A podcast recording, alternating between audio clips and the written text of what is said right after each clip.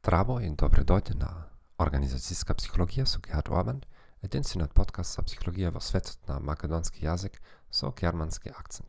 Во ова епизода ќе зборуваме за организацијска посветеност и однесување на вработените. Од последната епизода ќе се сетите дека постојат три вида на посветеност. Афективна посветеност, останувам за тоа што ми се допаѓа мојата работа.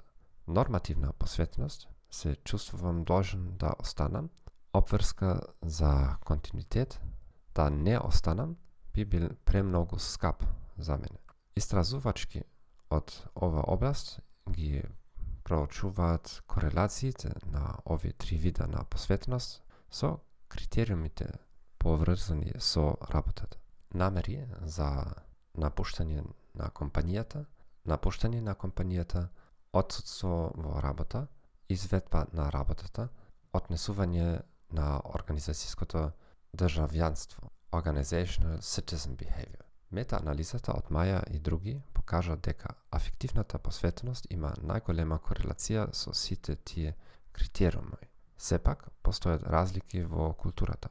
Во повеќе индивидуалистички региони, како Северна Америка, афективната посветеност е поважна отколку во повеќе колективистички земји.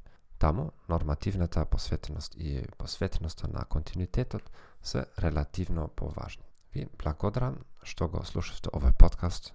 Посакувам убав ден и с